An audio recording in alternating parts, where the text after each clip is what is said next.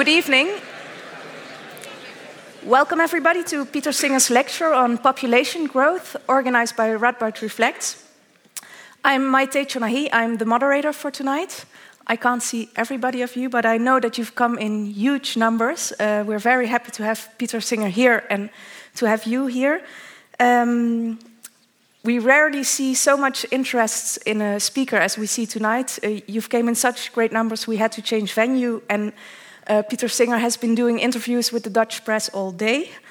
Um, in a minute, uh, Han Krieken, the Vice Chancellor, or Rector Magnificus, as we say, of the Radboud University, will give a brief introduction of Peter Singer.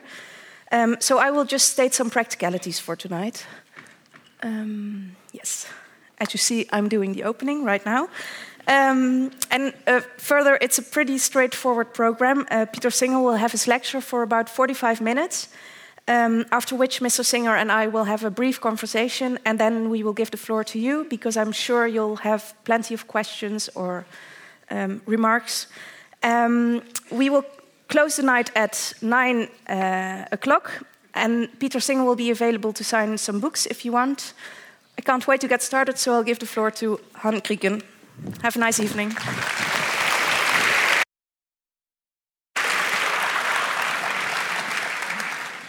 Good evening indeed, and uh, very welcome on behalf of Radboud Reflects and Radboud University on this what's going to be a very interesting evening. And indeed, you have with very, very many people. I hope it's not too many people. I don't think now it's too many people, but at the end of the evening I might. Uh, but the solution we ha will have for that, uh, we have to think about, of course. Um, I think it's a very appropriate moment to have Peter Singer here in the Netherlands, but also abroad, we face a lot of large societal issues. And in the Netherlands, the approach is to solve that mainly by technology. You may have heard that the extra money our government gives for research goes mainly to technology. And last Friday, I was talking with one of the prime engineers of the Netherlands, and I said, you know, it's not only the engineers that can solve the problems. Well, he said, most of we can. And there is great trust in technology and in engineers. And I explained to him that I once saw the movie, and many of you have may seen it, of this bridge in the United States, which was built, and then the wind gave resonance, and this bridge started wobbling, and then it broke down. And I thought, you sometimes trust in engineers is not correct. They also make mistakes. And he said, no, that was not a mistake of the engineer. He just made the wrong calculation. And so uh, and it's the same in medicine, as we all know.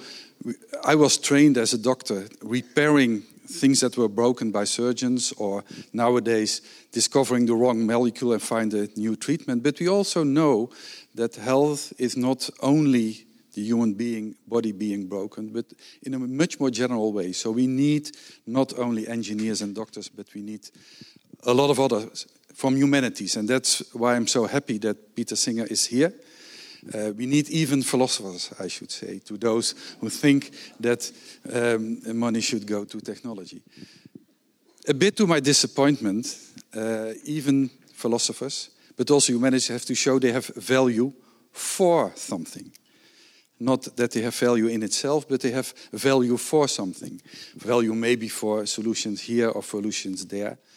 That's the case, it's how it is. But the, the person, I think, who can show that even philosophy has a lot of value for many things is Peter Singer. Many of you, he, he doesn't need a lot of introduction. Many of you know him, otherwise you wouldn't be here, I guess. Uh, some know him uh, maybe from his book on animal liberation, other on practical ethics, um, yet others on altruism. Um, so very different fields, and there are many more. Um, uh, and, and, I think uh, Peter Singer, as a professor in Princeton, um, long time also professor in Melbourne, but having traveled all over the world, is, is a very good person to, to discuss with us uh, one of the major issues we may see. Uh, and I'm very curious to hear about overpopulation. Peter Singer, the floor is yours.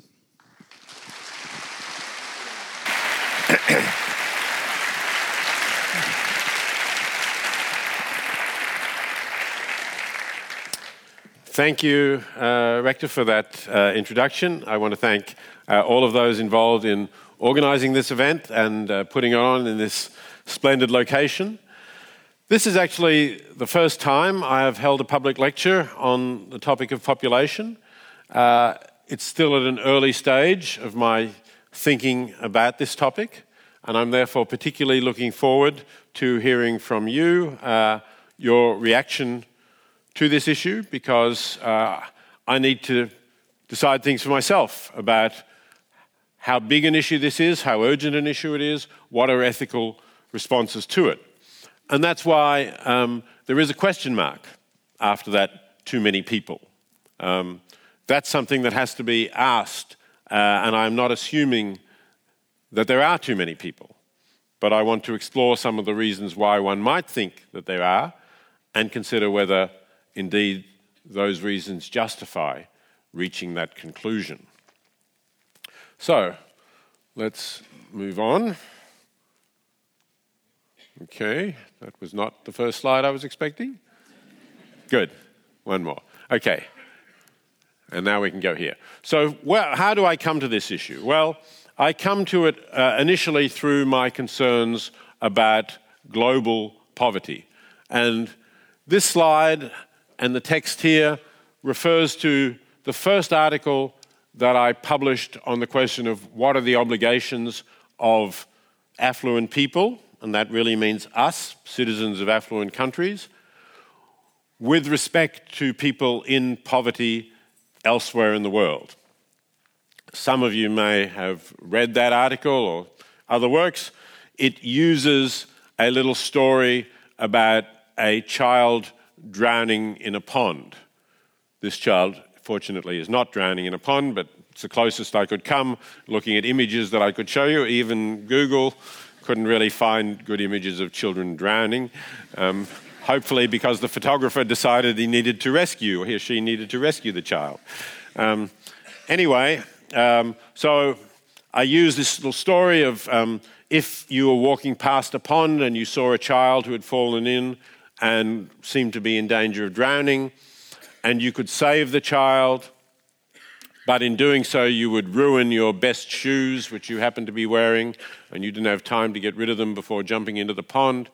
Nevertheless, we would all think, I hope, that you ought to go in and rescue the child, that that would be the right thing to do. So I've talked about that many times over the more than 40 years since I first wrote that article. And I've been talking about it again even more often uh, in the last 10 years since I started writing about effective altruism uh, and since that movement developed about people wanting to be more altruistic but wanting to know how to be more effective in their altruism. And uh, but I started getting questions from people in the audience. I would talk to large audiences like this, and they would say things like, Well, you know, yes, I can see why you would want to save the child. I can see that that's good. But it's not just one child who's fallen into a pond. You've got to think about the world in which there are thousands of children teetering on the edge of falling into ponds. And you can pull this one out, but there'll be another one who falls in, and you'll have to save them. And isn't really the problem that we have too many people on earth and we can't provide a good standard of living for all of those people. We can't provide enough food for them, or if we can provide enough food, we can't provide the basic level of health care which they need, or clean water, or sanitation. So, really, instead of talking about saving lives, shouldn't we be talking about treating the root causes of global poverty? And isn't the root cause really the fact that there are too many people on this planet? So, after hearing this again and again and giving responses to it that on reflection I thought didn't really go deep enough, uh, I decided I wanted to think more about this question and inform myself more about the issues. And so, what I'm presenting to you tonight is the stage of thinking that I've come to about this. Okay, so poverty is one of the issues, obviously, that has led me to think about it, but it's not the only issue. A second issue is climate change. Now, I think probably here there aren't too many people in the room who are skeptical about the idea that the climate of this planet is warming. But I find when I'm talking in the United States, uh, I do find some who question that.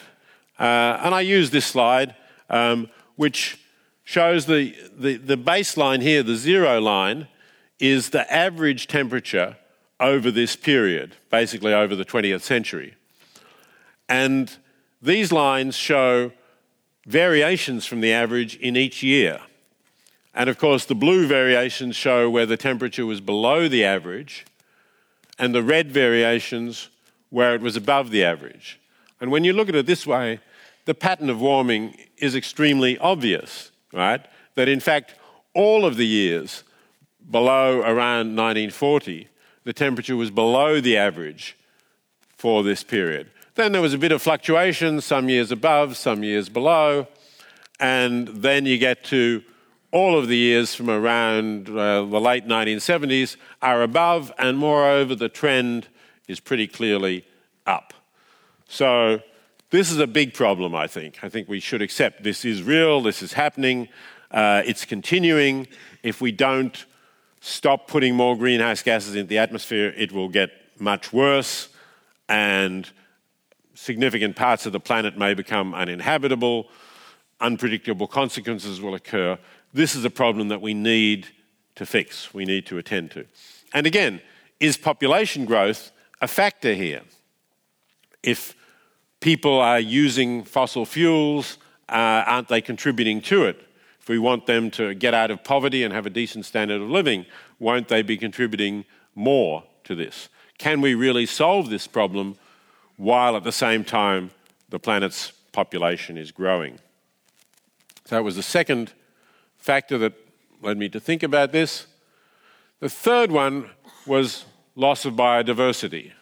Uh, the fact that, uh, sometimes, as this title of this article puts it anyway, we're approaching the sixth mass extinction. When we look at uh, the history of our planet, there have been five previous periods in which there were widespread extinction.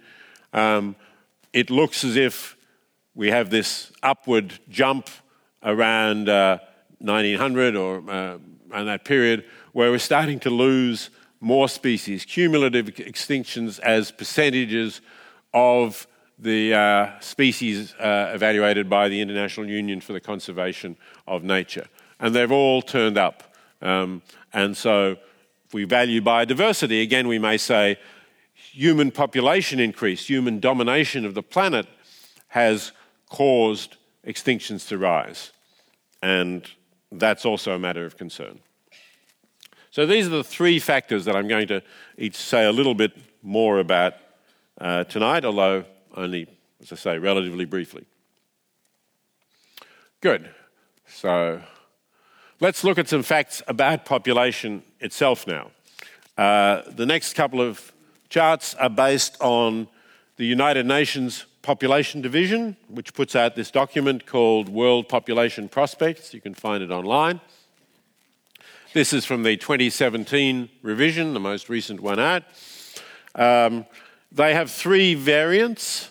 Uh, when they're predict, predicting global population, they have what they call the medium variant, the blue line, the high variant, of course, the red line, the low variant, the green. So, so there's an element of uncertainty about this, about where we're going to end up by the end of the century, 2100. But um, in this, uh, if we take the medium variant as the one most likely, it suggests that we are going to get around 11 billion people. Uh, it's a slight increase over previous years uh, that it's gone up by the end of the century, pretty much starting to level out by the end of the century. Um, maybe not totally, but close to stability, but still uh, rising for the century to come. So that's total numbers for the world as a whole. But that global figure, which some people might find somewhat reassuring, uh, others not, um, that global figure disguises very significant regional variations. And so this chart shows the growth in different regions.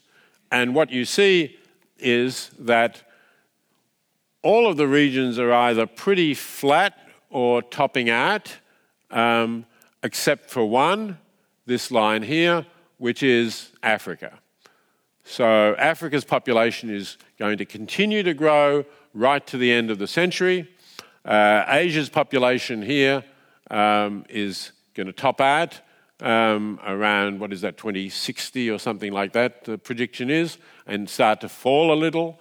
Um, then we have all of the others here, which are pretty close. I guess North America is growing a bit. Um, Europe and Latin America and the Caribbean and Oceania and so on are not growing. So we're getting uh, very specific regional growth. Uh, and the, so the next question is well, is that in itself a ground for concern? And if so, what kind of concern is that? And we can look at some of the figures just to put figures on that. So here's the world uh, 11 just over 11 billion by the end of the century.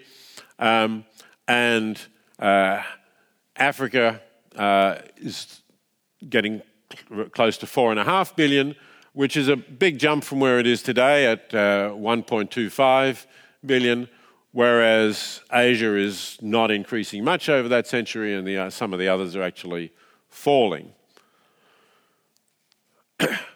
And then we need to look at things more specifically. And I've put on this slide some countries where I've said causes for concern, again with a question mark. And there are different categories of countries that are on this chart. Uh, so, one thing to note is that many of the world's poorest countries are on this chart. Um, and they, they, those that I've selected, well, let me put it this way. Put aside the United States and Nigeria for the moment, okay? Let's not look at those figures right now. All of the other countries are countries that are predicted to quintuple their populations by the end of the century. So they're going to have five times, according to the UN, they're going to have five times their present population by the end of the century. And these are all very poor countries. They're all countries that are in the category of least developed countries. So Angola, Burundi, Niger, Somalia, Tanzania, and Zambia. So those are causes for concern on the poverty grounds in particular, you might say. Here are poor countries. We're trying to help them to get out of poverty, but they're going to have five times the population by the end of the century. That means they're going to need five times the schools, five times the sanitation, uh, you know, five times the other infrastructure, health services, whatever that's needed. Um, is that going to be possible to produce that and to get those populations to a better standard of living than they are at today?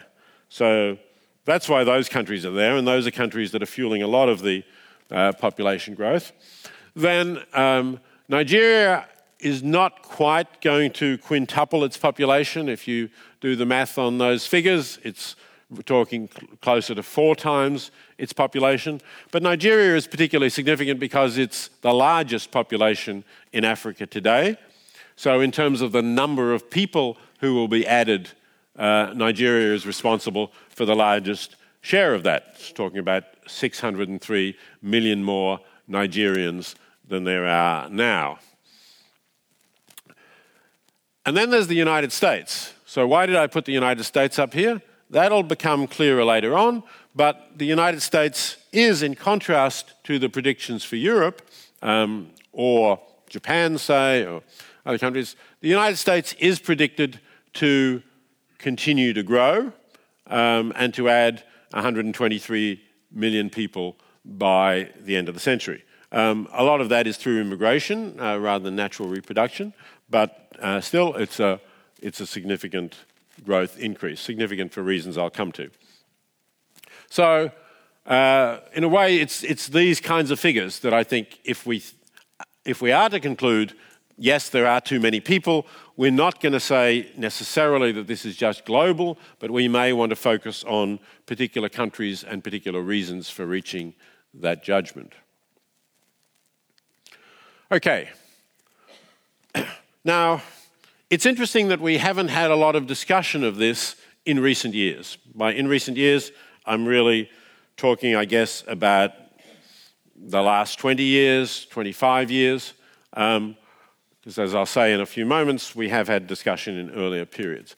And one bit of evidence for this is the world has, uh, the UN has adopted, the world, if you like, the, these Sustainable Development Goals, SDGs. They replaced the Millennium Development Goals, um, which were 20, uh, expired in 2015, and they decided to set a new set of goals. so there's 17 of these goals, and each of them has specific targets within. So if you add up all of the targets, there are 169 specific targets that the nations of the world have agreed to try to meet as part of these sustainable development goals. And note the word sustainable is in there, and yet not one of these 169 targets or 17 goals refers to human, global human population. Not one of them. There is one reference to problems of increasing urban population, but it's, it's specific to urban populations. I think that's strange. I think that if we are talking about a sustainable world, it's strange that there isn't at least some discussion about whether population growth is compatible with sustainability, whether it's sustainability, compatible with the sustainability of some regions, perhaps. Uh, and I think it's part of the fact that this topic has become in some way taboo. Not that nobody talks about it, there are certainly individuals who talk about it, but at levels of public policy in many governments, and particularly in these multinational, uh, multilateral bodies like the United Nations, like the World Bank, um, we don't have policy discussions of the desirability of slowing population growth or the fact that it's not necessary, even specifically. Um, and we don't have international population conferences of the sort that existed during the 70s and 80s. So, one of the reasons that I want to raise this topic is it seems to me that at the very least we should conclude that this is an issue that we need to talk about. Um, so, to anticipate that conclusion. okay. But there are reasons why people are not talking about them, and I want to go through some of those and comment on them. One is that people who raised the alarm about population in the past have turned out to be mistaken. And you can go right back to Thomas Malthus at the beginning of this discussion, uh, end of the 18th century. Uh, Malthus argued that population increases geometrically, you can see why he thinks that. So, two people have four children, the four children each have four children. You know, that's a geometric increase. Whereas he thought food production can only increase arithmetically. And I think he thought that because methods of growing food had not really changed for a long time in his day. You planted your corn, wheat, whatever it was, you had your sheep out there, you got as roughly as many as much food to the acre as your grandparents had, had got to the acre when they were farming. Uh, and all you could do was extend your acreage. You could have a bit more land, but you couldn't do that geometrically. You were going to run out of land. So um, that's why he thought we were heading for disaster, that uh, we were essentially population growth would be limited by starvation. More recently, though, we had Paul Ehrlich, who published The Population Bomb, a very popular bestseller. You see here two editions of it. And look at the words that you can see on the cover population control or race to oblivion. That was the choice Ehrlich was posing. And then here, while you're reading these words, four people will have died from starvation, most of them children. And here the population bomb keeps ticking. And here you have it's actually uh, grown while you're reading these words. Five people, mostly children, have died of starvation, and 40 more babies have been born. So, pretty dramatic. And indeed, the drama was contained in the inside of the book as well. The opening words of the book are The battle to feed all of humanity is over. And he doesn't mean it's over because we can feed all of humanity. He means the battle has been lost. we will never again be able to feed all of humanity. And then he goes on to say, in the 1970s and 1980s, this book was published in 1968, by the way, it's its 50th anniversary this year. In the 1970s and 1980s, hundreds of millions of people will starve to death, and that won't even be the end of it, he says. Well, fortunately, that didn't happen. Hundreds of millions of people did not starve to death in the 1970s and 1980s. And in fact, in terms of per capita food production, although the population has increased significantly since 1968, but the world produces more food per capita, even, even allowing for the expanded population, more food per capita than it did in 1968. So clearly, the battle to feed all of humanity had not been lost then and has not been lost now. Ehrlich was just flat out wrong about that. And so, therefore, a lot of people will say, you see, these people who say there's too many people, they're alarmists, they get it wrong. We don't really need to listen to them. Well, my response to this is yes, we should be much less confident than either Malthus or Ehrlich were. We should recognize that we might be mistaken, that there's uncertainty in predictions of the future. We don't know. But, as I said, I still think we ought to be able to discuss this. There should not be a taboo on it, and we ought to try to look at the evidence as to whether this is or is not a problem and make up our minds about that. Okay, second reason for not talking about it.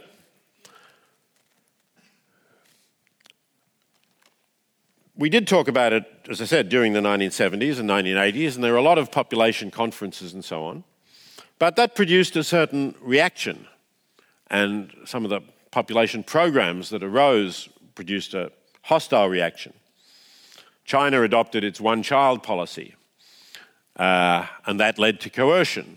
Led to people being forced, in some cases, even to abort pregnancies, and certainly being coerced not to have children.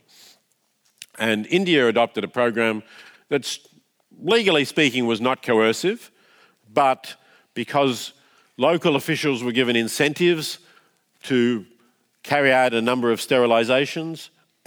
In fact, at the local level, it quite often was coercive.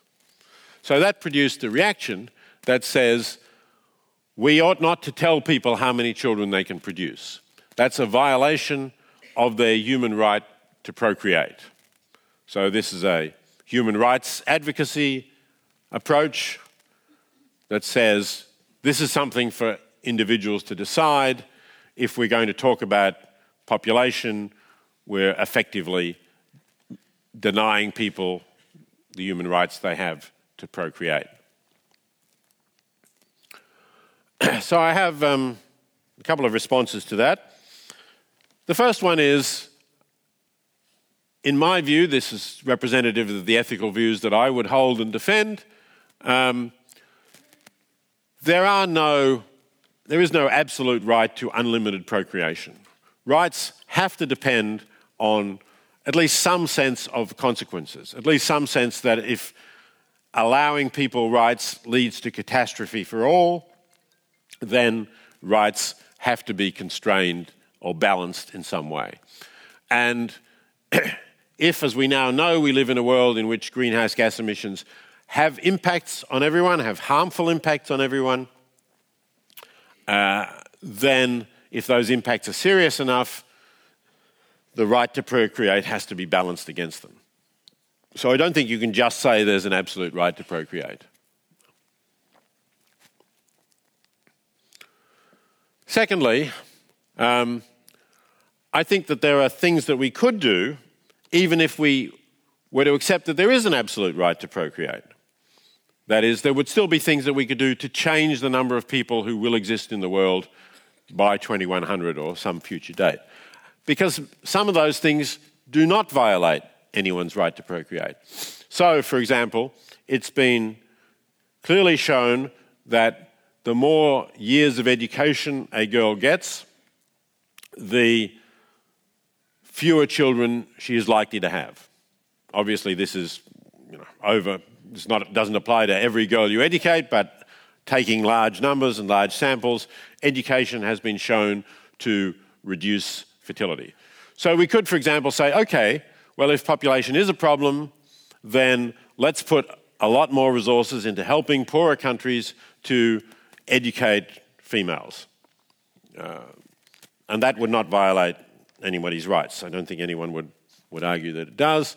Um, increasing access to contraception would be another thing that, uh, in terms of a right to procreate, uh, would be totally consistent with the right to procreate. And I think that pr- providing incentives to couples to have small families also does not necessarily violate the, procreate, the right to procreate. It may depend a little bit on the nature of the incentive uh, that you're providing and the circumstances of the people that you're offering the incentive to.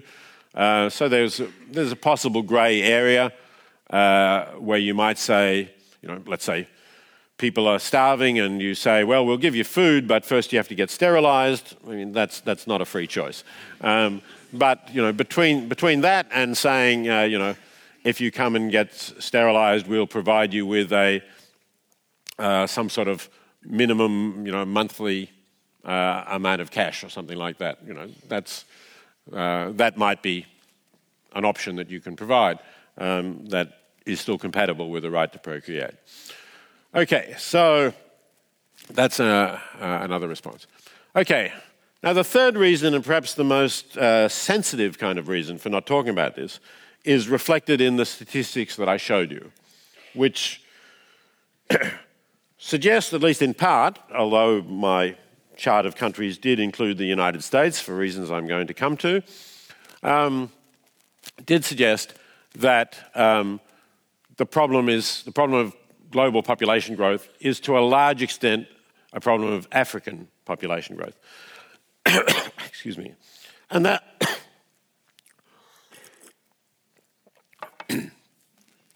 that obviously feeds into racist prejudices that many people, unfortunately, already have.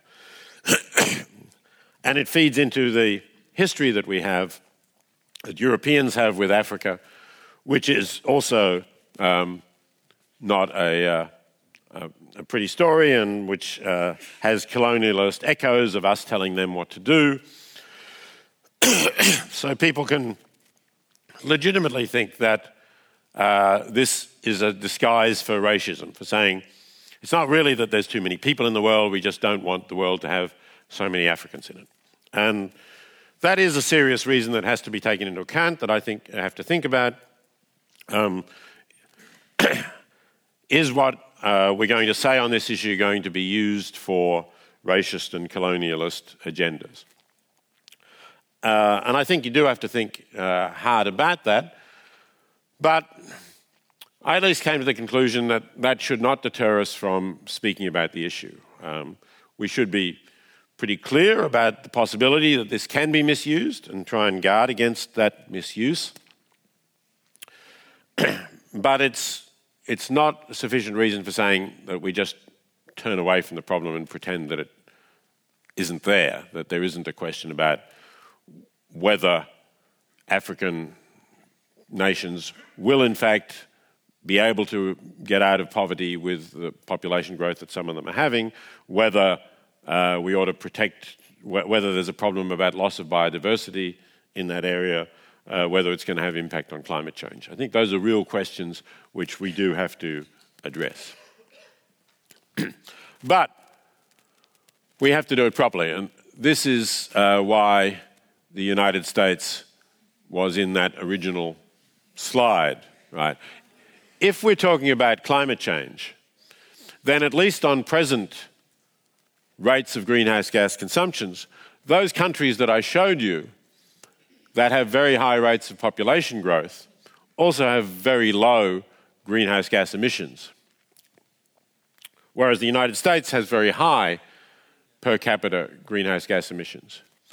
Okay, 16.5 metric tons per capita, as against some countries that don't even register um, to the nearest 0.1, Burundi, right, and uh, uh, Somalia, um, uh, and others that are very low, and even Nigeria is, is quite low. And um, the Netherlands, of course, is, is much closer to the United States than it is to these African countries. The Netherlands is, uh, the figures, last figures I saw were 9.9 metric tons per capita. So, um, not as, not as Europe in general is around that level, not as much as the United States, um, but still uh, making a significant contribution. But of course, the difference is that the Netherlands is not predicted to, for its population to grow in the way the United States is. And so this is what you do when you add up those population predictions and factor in the greenhouse gas emissions, right?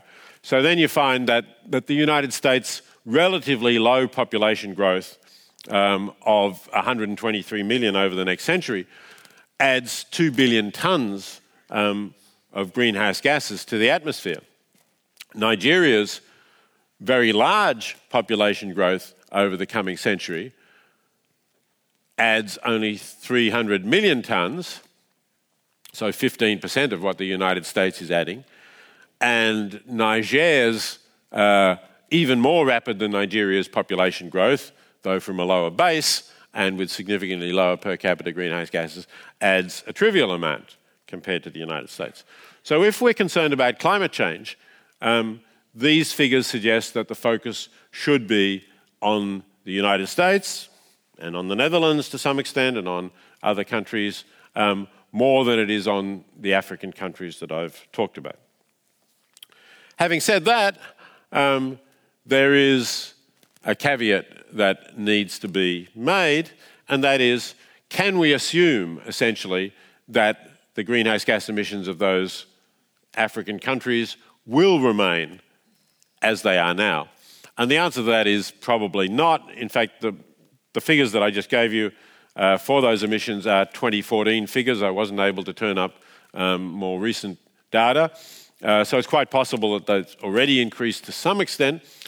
And in any case, we would hope that they would increase in one sense, right? We would hope that people in poorer countries would have more energy, um, access to the things that we take for granted, like electricity, electric light, and so on, um, which, with present methods of technology, is likely to mean more fossil fuel consumption. Now, of course, um, you know, you might say, well, on the one hand, they'll continue to live. That won't happen. They'll continue to live low energy lifestyles. Or you might say, no, because by the time they get to the point where they can afford more energy, we will have developed more efficient solar or wind uh, techniques for generating energy, and so they'll continue to have very low greenhouse gas emissions. I hope that's right. The ideal future would be one in which they have as much access to energy as we do, but it all comes from clean energy sources. But that's optimistic. And so you have to be prepared to take a certain gamble to be reassured here that uh, the additional numbers of Nigerians uh, is not going to have a significant contribution towards greenhouse gas emissions. Uh, and you have to think about can we actually take that risk and what should we be doing about it? Clearly, I mean, one thing we ought to be doing about it is that the affluent countries ought to be reducing their per capita greenhouse gas emissions. I think that's, that's clear, and I you know, need to say it, but I'm not going to go into it again. That's something that ought to happen anyway, whatever happens to population increase. But um, there's an argument for saying that even if that does happen, population increase will still end up being a problem. Uh, okay, so, um, you know, still, as I say, we need to have balance in this. And uh, I think we need to talk about uh, the projected increase in the United States. I think Americans who are concerned about, uh, about climate and the environment ought to be thinking about whether it's good for the United States to increase its population. Um, and that, in a way, is true whether it's natural increase or whether it's immigration, because immigration to the United States from poorer countries will lead to those people having a higher carbon footprint on present patterns of living. Uh, that may change, but especially under the Trump administration, there's no sign that it's going to change quickly enough. Okay. Um, another question that I want to ask this is, in a way, the, the, the more philosophical part of what I want to talk about is how do we decide how many are too many? And there are some deeper value questions that I want to talk about now. So, before I can talk about these questions, one question, there's a sort of factual question, broadly factual question, that needs to be addressed. And that is what should we think about life for people in the poorer parts of the world, the parts of the world where population is uh, growing fastest? What should we think about the quality of life of those people now? Should we think of it as um, you know, not perhaps not as positive as ours, but nevertheless positive? Or should we think about it as negative, as people, many people at least, not obviously everybody in these countries, at such a level of, of poverty that um, their lives are not in themselves a good thing? That's, that's a difficult question. It's, it's not just a factual question. It obviously requires you to decide how you're going to judge whether a life is positive or negative. But if we want to look at this and try to get some data on it, we can only do that through asking people questions. We don't have uh, a kind of happiness measuring stick. We can stick a thermometer into people's mouths and it'll tell us what their bodily temperature is, um, but we can't stick anything into them that tells them whether their lives are happy or unhappy, positive or negative, or anything of that sort. So, what do we do? Well, we try and ask them questions. And there is now, over the last few years, there have been a, a body of researchers who are engaged in this, doing this. Um, obviously, there's a lot of difficulties. Uh, where, you know, there are difficulties in doing it, even if you, if you do this kind of survey, let's say in the Netherlands, in, in one country, there's enough difficulties. But if you're doing it globally, you have further difficulties. You have to translate, you know, you try to ask the same question to people all over the world, you have to translate it into their own language. Um, you also have, may have cultural variations in how people respond to questions. Uh, so that it's not clear whether the response to a question, even if it uses the same words or the words that you translate back into the language in the same words, whether it actually indicates the same, the same underlying quality of life that is what we're trying to get at. So, this is in itself a, a really difficult issue. Let's come to this slide now which comes from, uh, cut it off, some, something called the World Happiness Report. You can find it online, the most recent version of it. Um, and these, this responds to answers to a question which essentially says Imagine a ladder with 10 rungs on it, where the bottom rung is the worst kind of life you can imagine and the top rung is the best kind of life you can imagine. Tell me where you think you are on this ladder. Okay? It's, um, it's, it's what's referred to as a sort of, or maybe it's, maybe it's something like, tell me how satisfied you are with your life on, on, on this sort of scale, right? Um, so, what we get here then is these colors showing how people in particular countries, obviously averaged over the countries, answer this question. And to some extent, the answers are along the lines you might expect. Uh, there's very few people who are saying that they're as, as satisfied as they can imagine with their life, um, especially when you average over countries. But there was a number of people in this dark green category, um, including uh, places in, in Northern Europe, Scandinavia, you know what's going on there. Um, Canada, but not the United States, is interesting here at this uh, in the dark green level. Australia and New Zealand both do quite well. Um, then you come down to the lighter green, where you have basically the rest of uh, most of the rest of Europe. Portugal's a little behind that, um, and uh, the United States, Mexico, a lot of uh, South America.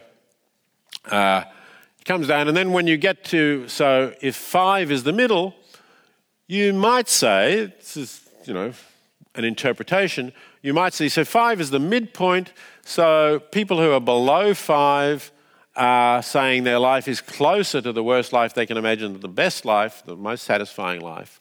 Um, and you might see that as being on the negative side of life. But that's, that's an interpretation that is not necessarily accurate. But anyway, when you, when you do look at that, you find that um, many countries in Africa are, are below that five. Um, Nigeria, here, the big country here, is an exception.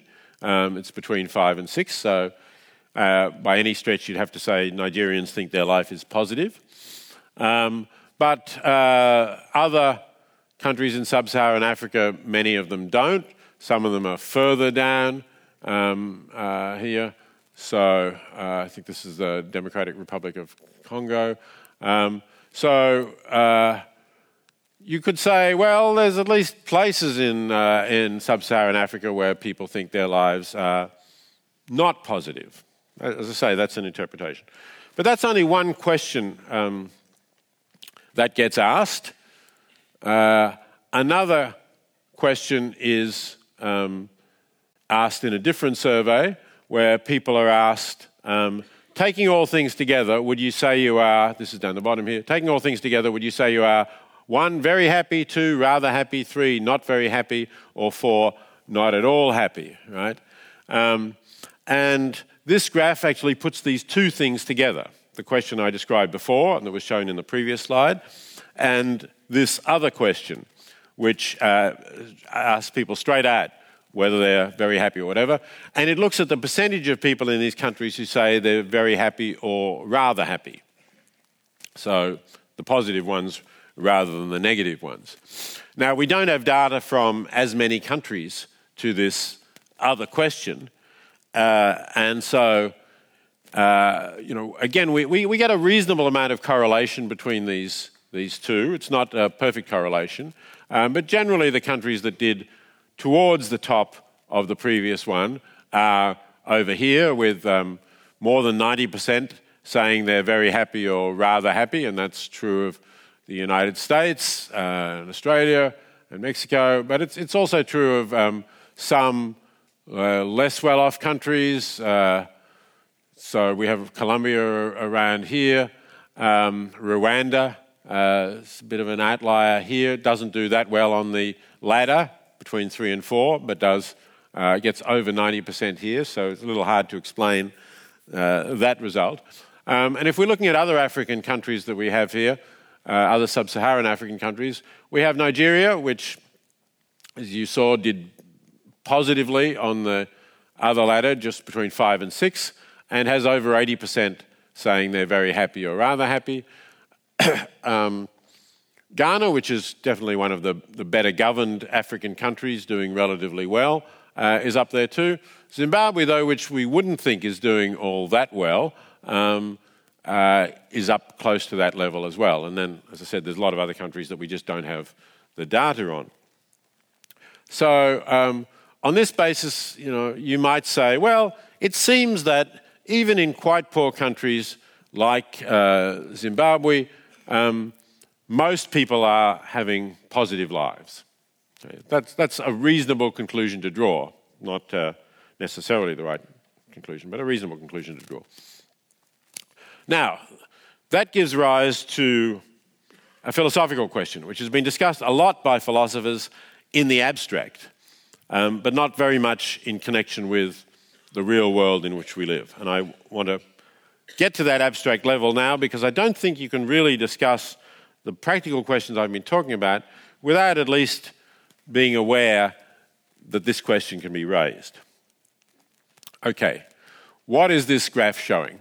These are imaginary worlds now, right? We're not talking about the real world, we're talking about hypothetical choices. And I'm asking you to compare different universes. Right? So A, A plus, and B are separate universes. They're not parts of the same world.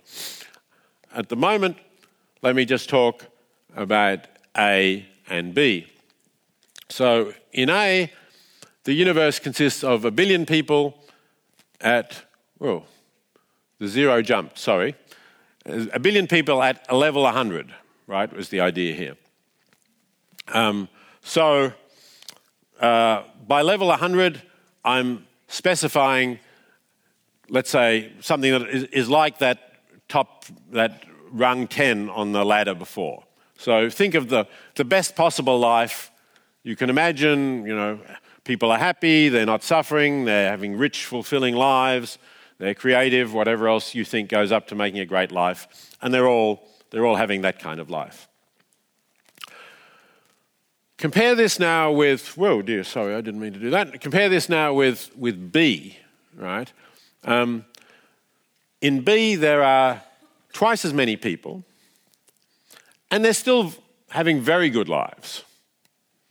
It's just they're not having quite as good lives as the people in, in A. Um, so there are some things that are not so good, but you could still think of this as, you know, a really, a really good life, the life of people who, let's say, are living in a well governed country with uh, access to the things that they need. There are just, uh, you know, some, some constraints on, on their well being, but they're still doing really well. And there are twice as many of them. Okay. So now the question is that I want you to focus on suppose that you were able to create either of these universes. You can think of yourself as a divine creator if you like. Um, if you don't want that hypothesis, you can imagine that we're in some other state now and you're a, a government, you're a government bureaucrat and you have to make a decision between a couple of different policies with relation to population. One of them will lead to A and one of them will lead to B, if you prefer to do away with that divine creators. Okay, so I would like you to tell me, by a show of hands, which of those worlds you would create. Which is, and, and I presume this is because you think it's the better world. I'm asking you to think sort of as, as a, you know, what would be the most ethical decision here. Okay, so if you think that it would be better to create A in this situation, raise your hands now. Quite a lot of you. If you think it would be better to create B, raise your hands now. Significantly fewer, although still a reasonable number, but definitely fewer. Okay, so B plus is there to challenge those of you in the majority, as I expected it would be, because this is not the first time I've asked this question. Um, if you think, I presume anyway, I presume that if you think that A is better than B, you also think that A is better than A plus, right? Is there anyone who put up their hand to say A is better than B who doesn't think that A is better than A plus? I don't see anyone, and would be strange. Okay. The question is how can you defend the judgment that A is better than A plus? Let's assume that the 100 the 1 billion people at 100 are just the same people in A plus, they're just the same people who are in A. Okay? So there, there they are, they're living these real, this really good life. Um, and they're still living this really good life in A plus. But the difference is that there is another part of the world where there's another billion people who are living a life that is still a good life, right? 75 is still a good life here. It's not as good as 100, it's not as good as 90, but you know, they're, they're really happy to be alive. They're really glad that they're, that they're there and they're enjoying their life. And, in case this was putting you off A, plus, um, it's not that they're like second class citizens who have to clean the homes of the first class citizens or something like that, right? It's, it's rather like, um, well, there were these people, 1 billion people living great lives in Europe, and then somebody crossed the Atlantic and they discovered, gee, what do you know? There's another billion people over there in the Americas, and they're pretty well off, but they're not as well off as we are. Uh, you know, it'd be nice to help them, but we don't have the transport and we can't really do anything about it. Um, but, you know, has the world now become a worse place, or rather, they were there all the time? Do we now know that the world is worse than we thought it was because we've now discovered there's a billion Americans who are not as well off as we are? That seems pretty strange, doesn't it? I, I find that I find it really hard to accept that having discovered this extra billion people, you now have to say, oh, the world is not as good a place as we thought. Why not? Well, because there's these other people who are not as well off as we are, and there's nothing we can do about it. Yeah, but they're still happy to be alive. They, you know, if you could wipe them out somehow, that wouldn't, they wouldn't want you to do that. So why is it bad that they exist? But if you agree with that, if you agree that A plus is not worse than A, right? I'm not necessarily saying it's better than A at this stage, but if you agree that it's not worse than A, then it seems pretty clear that if we now compare B and A plus, that B is actually better than A plus right? Very hard to say that B is not better than A plus because B has the same number of people as A plus and they're better off. And if inequality was still worrying you, despite the fact that it's sort of a natural inequality you can do nothing about, if inequality was still worrying you, well, there's no inequality in B. So this is a, a paradox because many people have these intuitions that I think many of you had that is, that A is better than, than B, but yet, at least I hope I've persuaded some of you that A plus is not worse than A, and that B is better than A plus. So if A plus is not worse than A and B is better, that seems to suggest that B is better than A, surely. That's just transitivity of your judgments. Okay, so that's a reason for thinking that we should not go by average in judging whether a world is or is not a good place. So, in other words, if somebody says, well, population, there are too many people in the world, why? Because the average level of happiness would be higher if there were not more people, or if there were, you know, if, if we didn't have this expansion that's predicted by the end of the century. That in itself is not the end of the discussion because you need to say, yes, let's, let's say you do accept this, let's say, I accept that the average level of well being in the world will be lower if there are more people, but there will be more people, and there will be more people whose lives are still positive. Let's assume that they are positive. That's what I was going through the, the facts of that before. There will be more people whose lives are positive, and that in itself is a good thing. If you like, one way of putting it would be say there'll be a greater total amount of happiness in the world, if you want to think of it that way. So, so I think that question at least needs to be part of this discussion. It can't be ignored as I would approach the issue. But having said that, there's a further puzzle. Um, this work, by the way, I should, I should acknowledge, I, oh, it's acknowledged on the next slide, I think comes from uh, initially the, the major contribution was made by uh, a great Oxford philosopher called Derek Parfit, um, a personal friend of mine as well, who sadly died uh, about a year and a half ago. Um, but if you want to look at it, uh, there's references down the bottom of this slide. Uh, work is called Reasons and Persons. Uh, part four is relevant. But there's also a very good article about the whole issue in the Stanford Encyclopedia of Philosophy, which is a free online philosophy encyclopedia. Uh, I do recommend. Now, what does this slide show? Well, it shows what Parfit refers to as the repugnant conclusion that if we take the view that I just tried to argue you into in the previous slide, that you can't assume that the best world is the one with the highest average level of well being. If you were inclined to say, okay, I'm persuaded, what I want is the world with the biggest total amount of well being, and just to look back, that's clearly going to be B, right? B has multiplied out. B has 180 uh, billion units of well-being, which is more than either A or A plus. So what we want is the highest total. Well, uh, Parfit said, okay, then what about the comparison between A and Z? A is the same A we had before, right? A billion at a very high level, at 100. Z is a world with a huge population where life is still worth living, still has to be positive, but barely so. Parfit at one point described it as a life of Muzak and potatoes. So that's all, all you get to hear is Muzak that you get in elevators and shopping centres, and all you get to eat are potatoes. Not really good French fries either, you know, just, just boiled potatoes. Um, still positive. So, but, but this seems, you know, the idea that you could replace a world, and could even be a world of not just 1 billion, but 10 billion, or however many you like, that there is some world that is large enough, some world that is large enough so that uh, everybody existing on Muzak and potatoes would still be better than this world of a billion or 10 billion people living fantastically rich and creative lives. That's a little hard to take. So that's why philosophers don't regard this as a solved problem. Um, and there are still a lot of philosophers trying to think about what is, there an answer to this problem? And if so, how should we address this problem?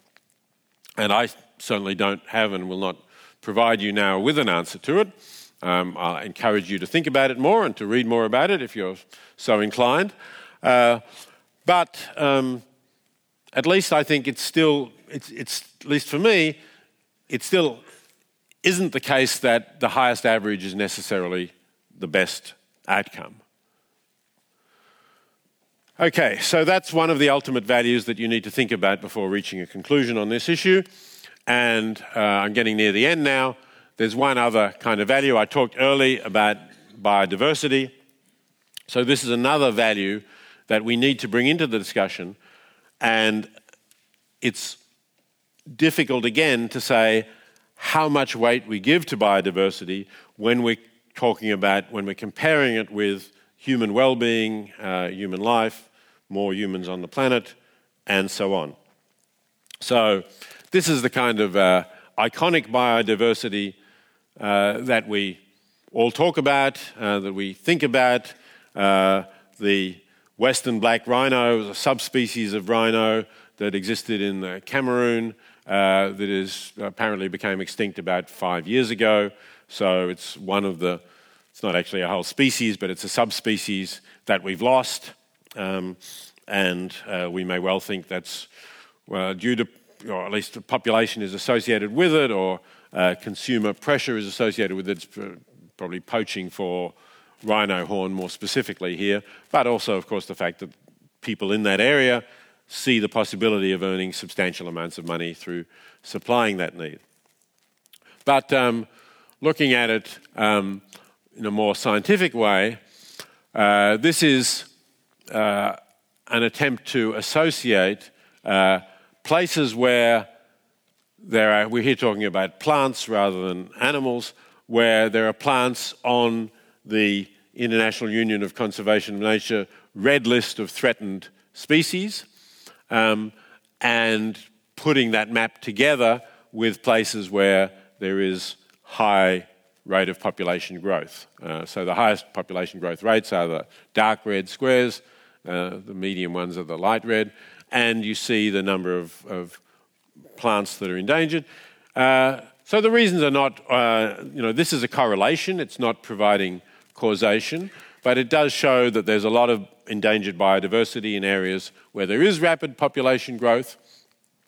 And uh, there are studies that suggest that there is causation here. Not this, not this chart in itself, but studies suggesting, and it's not surprising, I guess, that population pressure leads to clearing land, uh, to more pressure on nature, to loss of biodiversity. And so there is that question how do we balance this up? Uh, does it you know, are we going to say, well, it matters if uh, rhinos become extinct, um, but it doesn't matter if uh, plants become extinct, or it doesn't matter if plants that I wouldn't be able to recognize if I stumbled over them become extinct, which is, of course, the case with a lot of these plants. Um, what is it that we're actually valuing here? Um, and, and you get a whole range of different opinions in terms of that, uh, and also you then get questions about how much of this is a value. Is it a, a world heritage that we have in trust from our uh, ancestors and we need to pass on as intact as we can to our descendants? I think that's a reasonable way of looking at it. Um, and yet, at some cost, I guess. You know, what, how much cost should we be prepared to bear for the preservation of biodiversity? So that's another deep question which uh, I think needs to be part of the discussion, but which I'm not going to answer. And I am pretty much out of the agreed time now, so I will move to a conclusion, which is not very conclusive, however.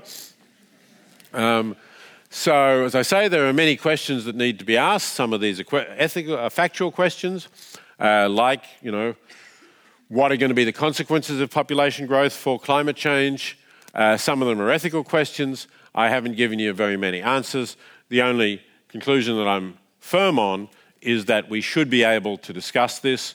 We shouldn't fear uh, that we're going to be labelled politically incorrect, uh, incorrect, or contrary to human rights or uh, aiding uh, racist and neo colonialist views. Uh, I think it is time to have a, a serious discussion of the issue. Thank you very much.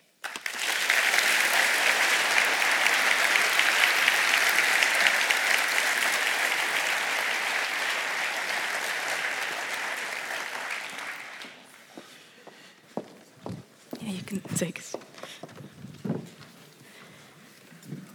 Well, thank you very much for this lecture, but also for taking us with you on a journey uh, with research that you've just started. Right.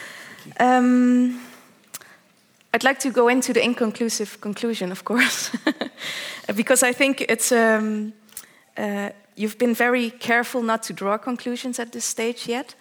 Um, you've, you've, asked, are there too many people? Are there causes for concern? concern? What are the deep values? Uh, you don't have the answer to it. But I think, of course, in some, at some level you do. Maybe not as a philosopher or as a researcher right now, but as a person, for sure. Um, so I would like to know something about that. Do you think there is overpopulation at, at this stage? Is it the main cause for for the problems you've stated? Uh, look, I, am I'm, I'm quite genuine that I have not made up my mind about about this issue. Um, I I did I, I, I, should say that when I was drawn to look at the the figures uh, that I put up um, for predicted population growth of, of, some of the poorest countries in the world. Um, I do find that alarming. I, I am very concerned about trying to eliminate extreme poverty in the world. We are making progress despite the growth that we've had in you know, recent decades. Perhaps surprisingly, despite that, We've made progress in reducing the number of people in extreme poverty. Uh, it's, it's below a billion now. For many years, the, the figure quoted was about a billion people live in extreme poverty, and that was based on World Bank data. Um, but currently, the World Bank says it's something like, I think, 760 million was the most recent figure that I saw. Um, so, about 10% of the world's population. So, that's good that we're making that progress. Uh, now, can we continue to make that progress, um, or are we going, you know, in a moment where we're going to run out of ways of continuing to overcome poverty? Uh, and if the countries that I listed continue with their high rate of growth, we'll fall back again. Uh, I'd have to say that I am concerned about that. Uh, I think that we would have a better chance of eliminating extreme poverty if, in fact, population growth were you know, perhaps still continuing, but not at that really quite high rate that yes. is predicted to continue. And, and, and, and if you would have to range it within uh, certain development goals, it doesn't have to be the UN development goals you were talking about, but um, so as to say, uh, limiting consumptions for, for uh, the Western uh, countries or the USA, uh, limiting greenhouse gas gases for Europe or the US. Could you range where overpopulation would be then for you, or looking at population at least? Well, at present, um, for, for, if we're specifically talking about climate change, I think consumption is, is a much bigger factor.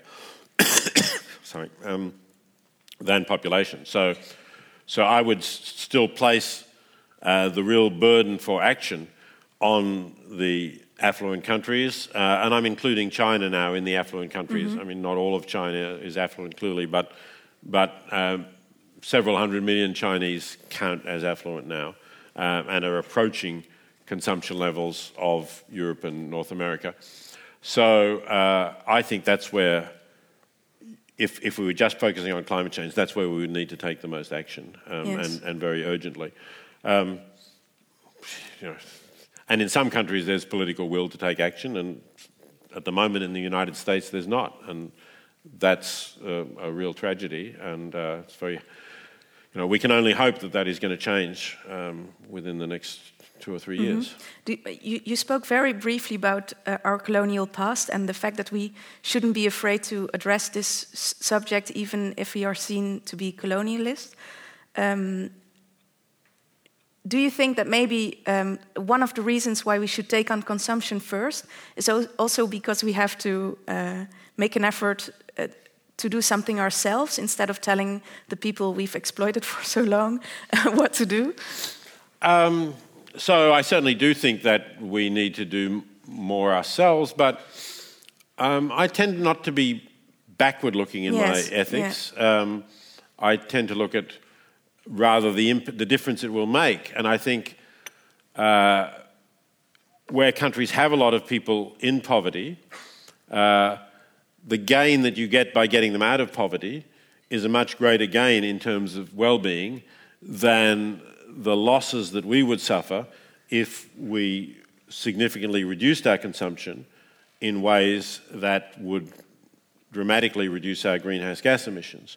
So, so for me, it's not so much that we should feel that, well, we, we exploited them in the past. It's rather that it's easier for us to reduce our lifestyle just a little bit, and you know, I don't even know that it would really be a sacrifice. We would, would have a different type of lifestyle, but it could still be just as rewarding or more rewarding one.